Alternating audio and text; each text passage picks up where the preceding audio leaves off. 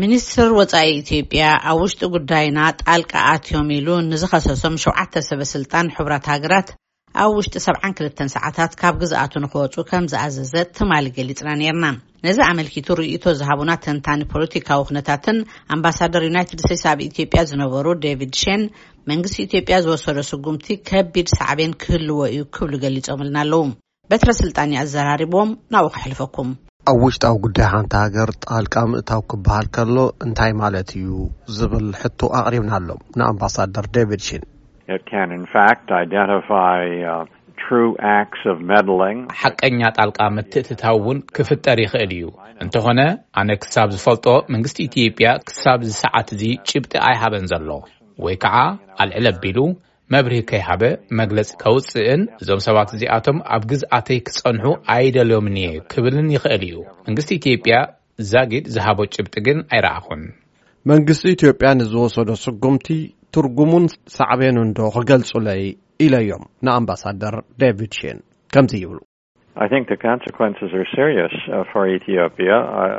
ከም ዝመስለኒ ንኢትዮጵያ ከቢድ ሳዕበን ከምፀላ እዩ ካብ ሕቡራት መንግስታት ዝወፀ ግብረ መልሲ ተርር እዩ ዝያዳ እናተረረ እውን እዩ ክኸይድ ካብ ሚኒስተር ወፃኢ ኣሜሪካ እውን ብርቱዕ ግብረ መልሲ ከም ዝተውሃበ ርኢና ኣለና ኣብዘን ቀረባ መዓልትታት ካብ ሃገራት ኣውሮፓ እውን ተመሳሳሊ ግብረ መልሲ ንፅበ ኣብ ዝተናውሐ መስርሕ ንኢትዮጵያ ዝሃሲ ክኸውን እዩ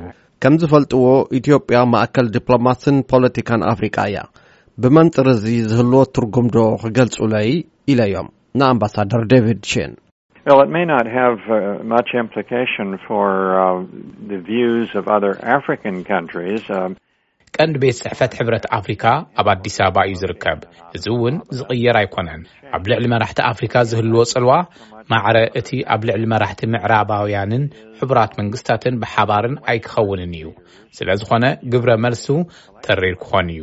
ከም ውጽኢቱ ድማ ርክብ ኢትዮጵያ ምስ ምዕራባዊ ዓለም እናንቆልቆለ ክኸይድ ክትርኢ ኢኻ።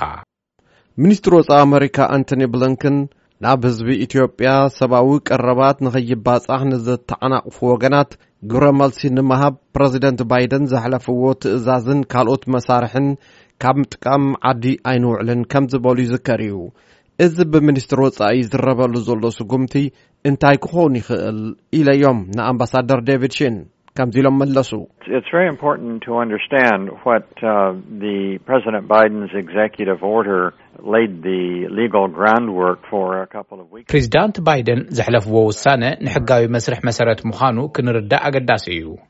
ኣብ ልዕሊ ውልቀ ሰባትን ጉጅለታትን ዘነጻጸረ እገዳ እዩ። ምስ መንግስቲ ኢትዮጵያ ዝወገኑ ክኾኑ ይኽእሉ ወይ ከዓ ምስ ህወሓት። እዞም ውልቀ ሰባትን ጉጅለታትን ረድኤት ናብ ሰሜናዊት ኢትዮጵያ ብሕልፊ ናብ ትግራይ ንከይሓልፍ ዝዓንቀፉ እዮም። ኣብ ልዕሊ ውልቀ ሰባት እምበር ንመላእ ኢትዮጵያ ዝምልከት እገዳ ዘይምዃኑ ምርዳእ ኣገዳሲ እዩ። ኢትዮጵያ ምስ ምዕራባዊ ዓለም ዝነበራ ዲፕሎማሲያዊ ጽምዶ የንቆልቁል ከም ዘሎ ዝዛረቡ ኣምባሳደር ዴቪድ ሽን ብሕልፊ ምስ ዩናይትድ ስተትስ ዘሎ ዲፕሎማስያዊ ርክብ ብናህሪ ይበላሾ ኣሎ፣ እዚ ነገር እዚ ምስ ካልኦት ምዕራባውያን ሃገራት ብተመሳሳሊ እናሓመቐ ክኸይድ እዩ በሃላይ እዮም። ሕብረት ኣውሮጳ ዛጊድ መግለጺ ዘይምውጽኡ ሚስጢሩ እንታይ ክኾን ይኽእል ተባሂሎም እቲ ሕብረት ናይ ዝተፈላለያ መንግስታት ድምር ከም ዝኾነን ናብ ሓደ ምርድዳእ ንምምጻእ ንውሕ ዝበለ ግዜ ከም ዝወስድ ኣቐዲምና ክንርዳእ ይግባእ በሃላይ ኮይኖም ኣለዉ።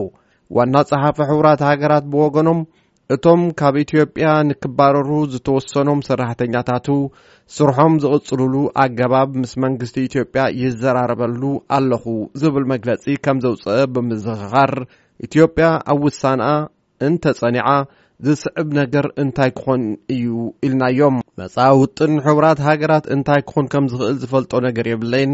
ሕቡራት ሃገራት ንሩስያን ቻይናን ዝኣመሰላ ሃገራት እውን ስለ ዝውክል ዝህቦ መግለጺ ጥንቃቐ ዝሓዘለ ክኾን እዩ ኢሎም። እቶም ኣብ ውሽጢ ሰብዓን ክልተን ሰዓታት ካብ ኢትዮጵያ ንክወፁ ዝተኣዘዙ ሰራሕተኛታት ሕቡራት ሃገራት ኣብ ሓላፍነት ቦታ ዝነበሩ እዮም። ዝትክኦም ክሳብ ዘይተረኽበ ጻዕርታት ሰብኣዊ ሓገዝ ኣብ ሰሜን ኢትዮጵያ ብሕልፊ ኣብ ትግራይ ዝልከም ዶ ይመስሎም ተባሂሎም ዴቪድ ሺን ክምልሱ ከለዉ ቀረብ ሰብኣዊ ረድኤት ቅድም ኢሉ እውን ተዓናቒፉ እዩ ሕቡራት ሃገራትን ዘይመንግስታዊ ትካላትን ብሕልፊ ኣብ ትግራይ ንዝገብርዎ ስራሕቶም ካብ ዓምሕዳር ጀሚሩ ይተዓናቐፍ ከም ዝነበረ ገሊጾም እዮም እዚ እውን ንኣብነት ኣብ መንጎ ዩናይትድ ስቴትስን ኢትዮጵያን ዘይምርዳእ ዝፈጠረ እዩ እዚ ጸገም እዚ ዘይፍታሕ እንተኾይኑ ሳዕቤን ክህልዎ እዩ ኢሎም ዴቪድ ሽን ምስ ቪኦኤ ትግርኛ ኣብ ዝነበሮም ቃለ መሕትት።